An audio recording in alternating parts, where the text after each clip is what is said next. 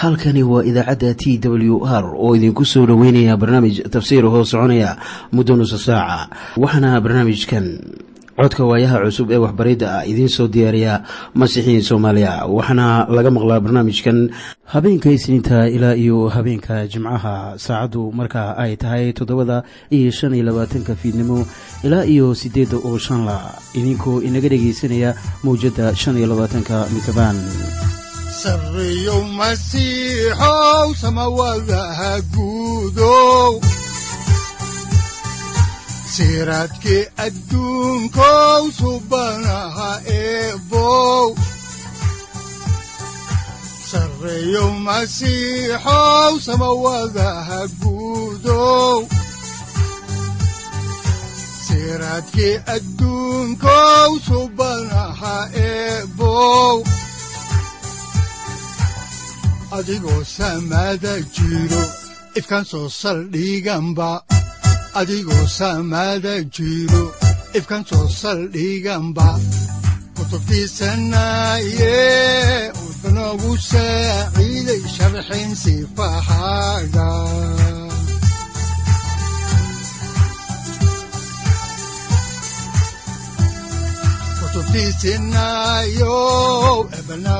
saaciid sharxin sifahaaga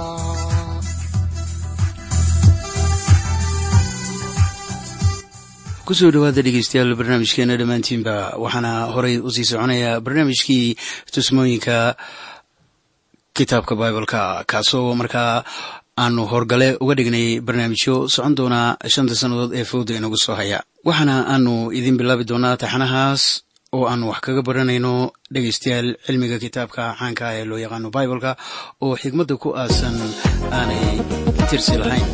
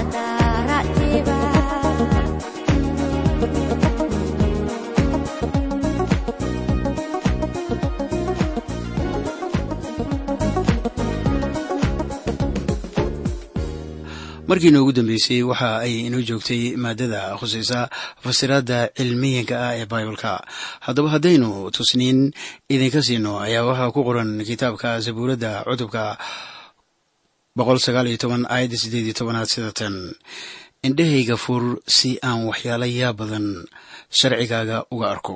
Waxaa jira haddaba tusmooyin qaar oo midkayo waliba uu raaco taasoo khusaysa hadalka ilaah. Waxaan markaa ku xaqiijinayaa haddii aad raacdo tusmooyinkaas in qalbigaaga iyo noloshaadaba ay barakoobayaan waxaa hubaala in hogaamintaas ay jirayso markaanu baranayno qorniinka maanta dhalo kasta oo daawo ay ku jirto si kastoo ay u yar tahay waxaa ku qoran tusmo khusaysa sida loo isticmaalo. Qalab kasta ee aad iibsatana wuxuu wataa tusmo sharaxaysa sida uu u shaqeeyo haddii markaas waxyaabaha dunidan laga isticmaalo ay sidaa yihiin bilxaqiiqa hadalladii ilaah ee muhiimka waa in ay haystaan tusmo iyo hanaan khuseeya barashadiisa. Waxaan doonayaa markaa inaan halkan idinku sheego toddoba hanaan oo fudud oo loo barto hadallada ilaah. Toddobada qodob ama hanaan ee loo raaco barashada kitaabka waa sida tan. Marka hore salaad ku bilow marka labaad akhri baibalka marka saddexaad daraasaad samee marka afraad ka baaraan deg kitaabka. Marka shanaadna akhri waxaa culimmadu ka qoreen kitaabka. Marka lixaadna adeec baibalka marka toddobaadna dadka kale la wadaag. Toddobadaas ayaa waxay u yihiin horgale. Marka aad bilaabayso inaad akhrisato kitaabka quduuska liisku wuu sii dheeraan karaa haddaad doonto laakiin waxaan rumaysanahay in kuwaasu ama toddobadaas ay yihiin aasaaska hanaanka loo qaabilo barashada kitaabka. Qofbaa si caaqibo leh u sharaxay tusmadaas oo waxauu yidhi xiska ka garo oo geli qalbigaaga noloshaada ha ka muuqdo oo ku beer dunida. Taasina waa qaab kale oo wixii aan ka hadalno mar kale loo dhigi karo. Waxaannu haddaba mid mid u gelaynaa toddobadii tusmo ee ay ahayd in loo raaco. Marka la baranayo kitaabka quduuska kow ku bilow salaad. Sidaannu aragnay markii aynu qaadaa dhigaynay maadada iftiiminta baibalka waa ka duwan yahay kutubta kale. Taas aawadeedna ruuxa quduuska oo keliya ayaa maskaxdaada furi kara si aad ku garato. Haddii aad akhriyayso buug filosofi ah oo uu nin qoray wuuba qoray dabadeeto waad fahmi kartaa waxaa la mida buugaagta xisaabta oo dadku qoray iyo maadooyinka kale. Ma jiro buug dad qoray oo qof kale uusan garan karin balse kitaabka quduuska waa ka duwan yahay. Baibalka lama fahmi karo ilaa ruuxa quduuska ah macallinkaaga uu noqdo mooyaane oo uu doono inuu ina baro. Xitaa gunaanadku waxa weeye in sayidkeennu noo sheegay in ruuxa quduuska ay inagu hogaamin doono runta oo dhan. Sida ku qoran injiilka sida yuxanaa u qoray cutubka lix iyo tobnaad aayadda saddex iyo tobanaad markii aynu furno haddaba hadalladii ilaah waxaanu u baahannahay inaannu ku bilowno ducooyinka ku qoran kitaabka zabuuradda markaasuu qorniinku leeyahay sida ku qoran cutubka ama zabuurka boqol sagaal iyo toban aayadda siddeed iyo tobanaad oo leh indhahayga fur si aan waxyaalo yaab badan sharcigaaga uga arko. Markii sabuurluhu uu qorayey zabuuraddan waxa uu maanka ku hayay sharcigii muuse dabcan. Laakiin haddaan ballaarino oo ku darno lix iyo lixdanka kitaab ee baibalka ayaa ducada iyada maanta waxa ay noqonaysaa indhahayga fur si aan waxyaalo yaab badan uga arko hadalladaada. Markii rasuul boolos uu u duceynayey reer efesos uguma ducayn caafimaad qabkooda inkastoo wakhti kale uu sidaas inkastoo wakhti kale uu sidaa ugu duceeyey welibana uguma ducayn in ay tujaar noqdaan. Cidnaba taas weligii uguma ducayn laakiin bawlos ducadiisii koowaad ee uu u ducaynayey reer efesos waxaa lagu qoray isla warqadan reer efesos cudubka koowaad aayadaha shan iyo toban ilaa lix iyo toban markaasoo uu lahaa anigu waxaan maqlay rumaysadkiina xagga rabbi ciise iyo jacaylka aad quduusiinta oo dhan u qabtaan oo sidaas darteed ma joojiyo inaan ilaah idinku mahadnaqo. Baryadayda ayaan idinku soo xusuusanayaa. Marka uu baryadiisa ku xusuusanayo muxuu uga ducayn jiray haddaan si kale u dhigana maxay ahayd ducadii uu u soo ducaynayay iyaga? Haddaba waxa uu arrinkaa isaga ah inoogu sheegay isla warqaddii reer efesos cudubka koowaad aayadaha toddoba iyo toban ilaa sideed iyo toban. Markaasoo uu lahaa in ilaaha rabbigeen ciise masiix oo ah aabbaha ammaanta uu ruuxa xigmadda iyo muujinta idinku siiyo aqoonta aad isaga taqaaniin oo waxaan ilaah baryayaa in indhaha qalbigiinna la nuuriyo. Si aad u ogaataan waxa ay tahay rajada yeeristiisa iyo waxa ay tahay hodantinimada ammaanta dhaxalkiisa ee ku jirta quduusiinta. Ducada rasuul bolo sida aad arkaysaan waxa ay ahayd in ay helaan ama haystaan xigmad iyo waxgarasho loogu nuurinayo aqoonta masiixa. Taasoo ka dhigan in ay gartaan hadallada ilaah iyo in indhaha qalbigooda la nuuriyo si ay rajo uga lahaadaan waxa ay tahay rajada yeeristiisa tani waa salaaddii rasuul boolos oo haddii qofi doonayo in uu ducadiisa ugu daro sidaas ayaan odhan lahaa halla iigu duceeyo. Si ay indhahayga qalbigu iigu furmaan. Waxaan rumaysanahay tan ugu ahmiyadda ballaaran aniga maanta waxa ay tahay inaan ogaado doonista ilaah. Doonista ilaahna waa hadallada ilaah. Haddaba innagu ma ogaan karno hadallada ilaah haddaanu ruuxa ilaah macallinkeenna ahayn. Taasina waa waxa rasuul boolos inoogu sheegay warqaddii koowaad ee reer korintos sida ku qoran warqaddiisii koowaad ee reer korintos cutubka labaad aayadaha labaiyo toban ilaa afariyo toban oo leh. Laakiin innagu ma aynu helin ruuxa dunida laakiinse ruuxa ilaah ka yimi. Inaynu garanno waxyaabaha uu ilaah nimco ahaan inoo siiyey. Waxyaalahaasna ayaanu ku hadalnaa kumase hadalno hadallo la baro ee ah xigmadda dadka.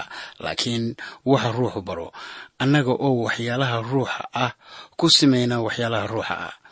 Ninka nafta raacaa ma aqbalo waxyaalaha ruuxa ilaah waayo nacasnimo bay u yihiin mana garan karo. Maxaa yeelay ruuxa ayaa lagu imtixaamaa. Sababta haddaba maanta dad badani ay wax uga fahmi laayihiin kitaabka. Waxa weeye inaanay doonaynin in ruuxa ilaah wax baro. Hadallada ilaah way ka duwan yihiin kutubta kale sidaad ogsoon tihiin. Waayo qofka caadiga ah ma haysto waxyaalahaas xagga ruuxa. Ah markaasay la noqonayaan sida wax nacasnimo ah waxa lagu qoray qorniinka ilaah wuxuu na siiyey ruuxa si aynu ku garanno waxyaalaha kharash la'aanta ilaah inagu siiyey. Isaga keliya ayaa noqonaya macallinkeenna oo ruuxa ilaah waxa uu ogaadaa hadallada ilaah wuxuuna u xaqiijinayaa nafteenna oo waxa ay noqdaan erayo nool oo inagu dhex jira. Ilaa waxa uu doonayaa haddaba in uu inagula xiriiro hadalladiisa qoran oo ah kitaab aan caadi ahayn kitaabku inaguma uu iman si caadi ah ama ma ahan mid caadi ahaan loo fahmi karo balse waa in ruuxa ilaah uu qaado waxyaalaha ilaah oo uu inoo muujiyo. Waxaad ka fikirtaa aayaddan laynoogu qoray warqadii koowaad ee rasuul bawlos u qoray dadka reer korintos cutubka labaad aayadda koob iyo tobanaad. Markaasuu rasuul bawlos lahaa waayo dadka dhexdooda yaa garanaya nin waxyaalihiisa. Ruuxa ninka ku jira mooyaane. Haddaba si kooban oo la fahmi karo ayaa aayaddu sababeynaysaa in ruuxa ilaah noqdo macallinkeenna aniga iyo adiga waynu isgaranaynaa laakiin innagu ilaah ma garan karno.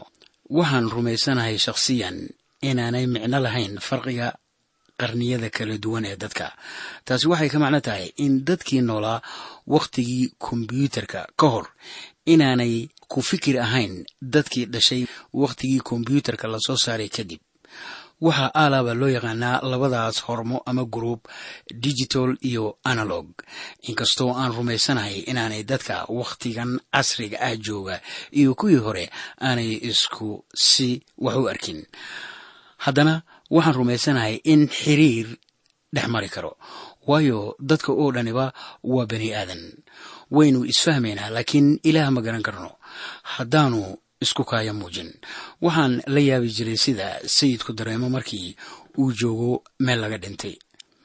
Haddaba waxaan ogahay in ciise masiix joogay goobta geeridii lazaros oo waxaan arkay inuu aada u ooyey waxaan garanayaa sida uu maanta dareemayo. Marka la eego waxyaabo badan oo nolosha ku saabsan waayo ruuxa ilaah ayaa iiga dhex muujiyey hadallada ilaah. Dadka waa isku dareen iyo isku maskax laakiin marka ay joogto garashada qorniinka ilaah waxa ay u baahan yihiin in lays hoga tusaaleeyo. Hoga tusaalada ayaa inooga timaada ruuxa ilaah. Qiso aniga ay qabsatay ayaan idiin sheegayaa si bal aad ku garataan in dadku ay isku fikir yihiin. Maalin baa aniga oo dariishada gurigeyga fadhiya oo wax qoridii ku daalay bannaanka fiiriyey waxaa da'ayay roob mahigaan ah dhulka oo dhanna waxaa qabsaday doog iyo cagaar balse weli dhulku waa dhiiqo. Waxaa meel iga yaro fog ka soo socday oday waayeel ah oo aan isgaranayno wuxuu gacanta ku watay bac qashinkii guriga uu ku jiro oo uu doonayay inuu daadiyo. Odaygu wuu taagtaagsanayay waayo dhulka dhiiqo ayaa u ahaa. Markaasuu inta sidbaday dhowr jeer iska daba gadoomay sida caadiga ah aad baanu qoslay laakiin maadaama dhulku cagaar badan lahaa dhoobadii ma gaarin laakiin biyo ayaa dharka ka gaaray geesaha ayuu iska fiiriyey oo wuxuu fiiriyey haddii ay jireen cid arkaysay. Laakiin ma jirin cid halkaa maraysay oo arkaysay aniga oo qolkayga ku jira mooyaane. Wax yar kadib wuxuu yimid halka qashinka lagu shubo. Markaasuu daadiyey dambaskii uu waday oo haddana dib u soo laabtay. Mar kale ayuu haddana cawskii ku dul kufay. Haddana dhinacyada ayuu iska eegay oo wuxuu iska fiiriyey haddii cidi aragtay iyo in kale.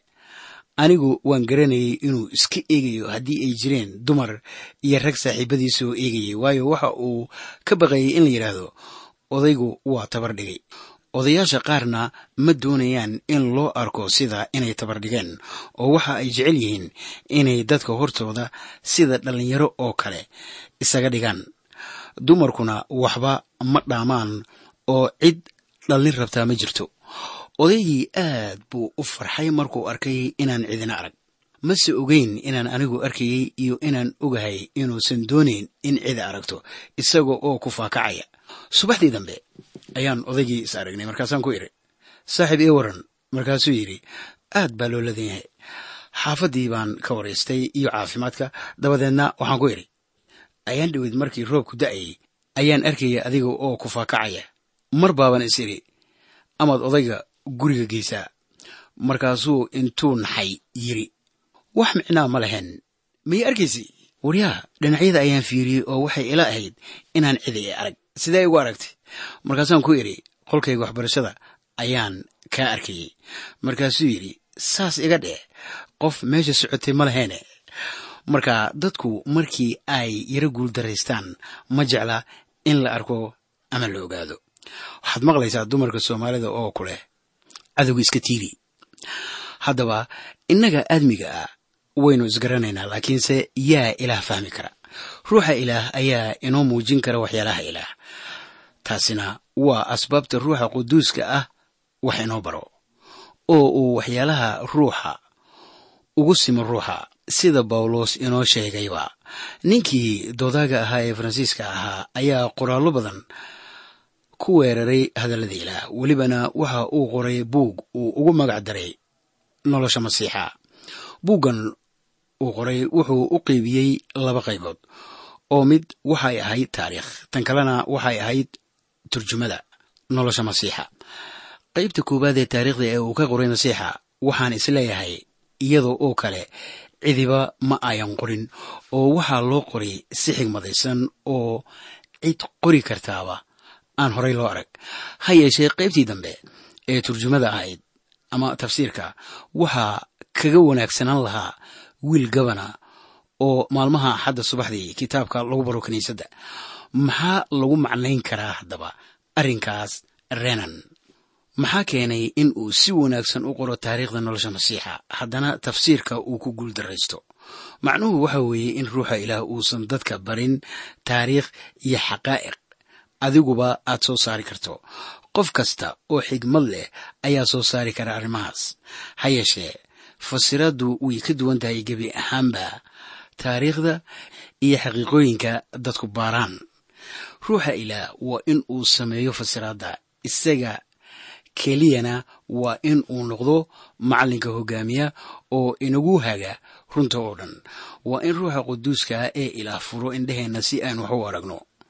Waxaana laynoo sheegay inaan weydiisanno gargaaraha ruuxa quduuska ah caawimaad injiilka sida yuxanaa u qoray cutubka lixiyo tobanaad ayaa ciise masiix leeyahay sida ku qoran aayadda lixiyo tobanaad sida tan.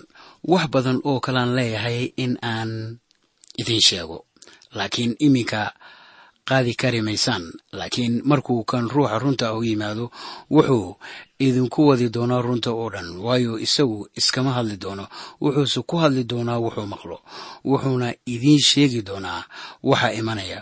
Wuu i ammaani doonaa waayo waxaygu qaadi doonaa wuuna idiin sheegi doonaa. Wax kasta oo aabbuhu leeyahay anigaa leh sidaas daraaddeed waxaan idhi waxaygu qaadaa wuuna idiin sheegi doonaa in yar dabadeed i arki maysaan oo welibana in yar dabadeed waad i arki doontaan. Haddaba ciise masiix wuxuu leeyahay waa inaan ilaah weydiisanaa waxyaabo badan waayo wuxuu noo soo diray ruuxa quduuska ah inuu noqdo macallinkeenna mar kale ayuu leeyahay sida ku qoran injiilka sida yuxanaa u qoray cutubka afariyo tobnaad aayadda lix iyo labaatanaad sida tan laakiin gargaaraha ruuxa quduuska oo aabbuhu ku soo diri doono magacayga wax kasta ayuu idin bari doonaa wuxuuna idin xusuusin doonaa wax kasta oo aan idinku idhi. Ruuxa quduuska ahi waa macallin waana kan ay tahay in uu ina hogaamiyo oo uu welibana inagu hago runta oo dhan saaxiib. Haddii markaa aad wax ka barato barnaamijkan aan idinla wadaagayo macnuhu ma ahan in wacdiyaha miskiinka ah uu wax idin baray. Waxaase runtu ay tahay in ruuxa quduuska uu idiin furay ama kuu furay adiga ama kuu nuuriyey hadallada ilaah shakhsi ahaan adiga. Marka tusmada ugu horreysa ee aan siinayo ama aan dadka barayo waatan ducayso oo weydiiso in ruuxa ilaah uu noqdo macallinkaaga marka ay halkan joogto ayaad mooddaa inaan ku soo dhowaanay gunaanidka barnaamijka. Waxaanan filayaa in aad garateen inaanay dadka markii ay akhriyaan kitaabka ama dhegaystaan barnaamijyada waxbaridda ah ay horay ka fahmayaan. Waxaa loo baahan yahay in la helo gargaaraha ruuxa quduuska si ereyada ilaah lagugu iftiimiyo oo aad ku garato.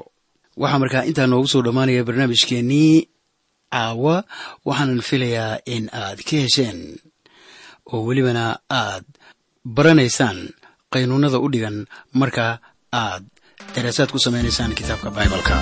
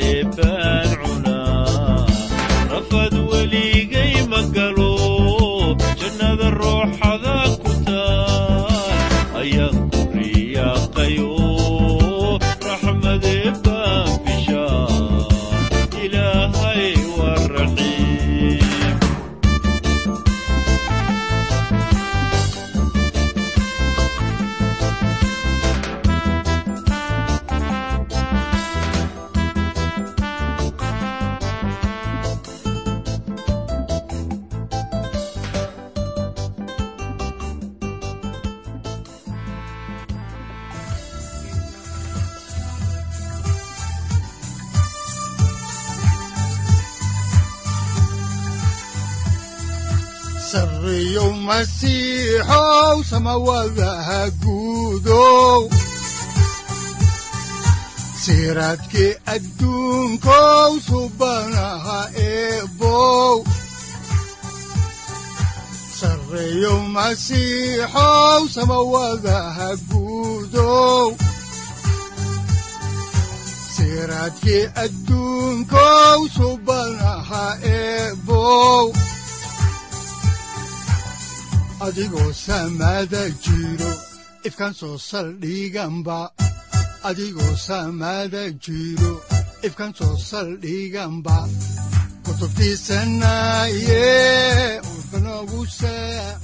halkani waa t w r idaacadda t w r oo idinku leh ilaa ha idin barakeeyo oo ha idinku anfaco wixii aad caawi ka maqasheen barnaamijka.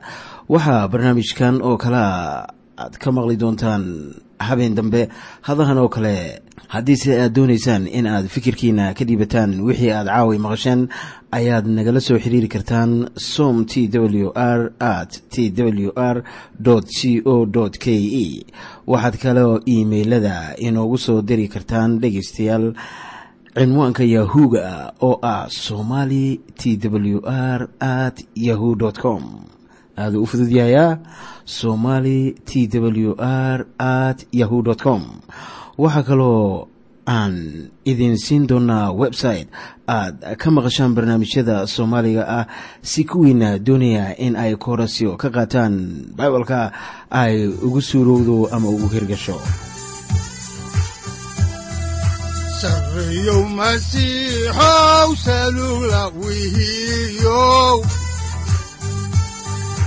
saacadda timid dhulka sabada ku dhalatiyo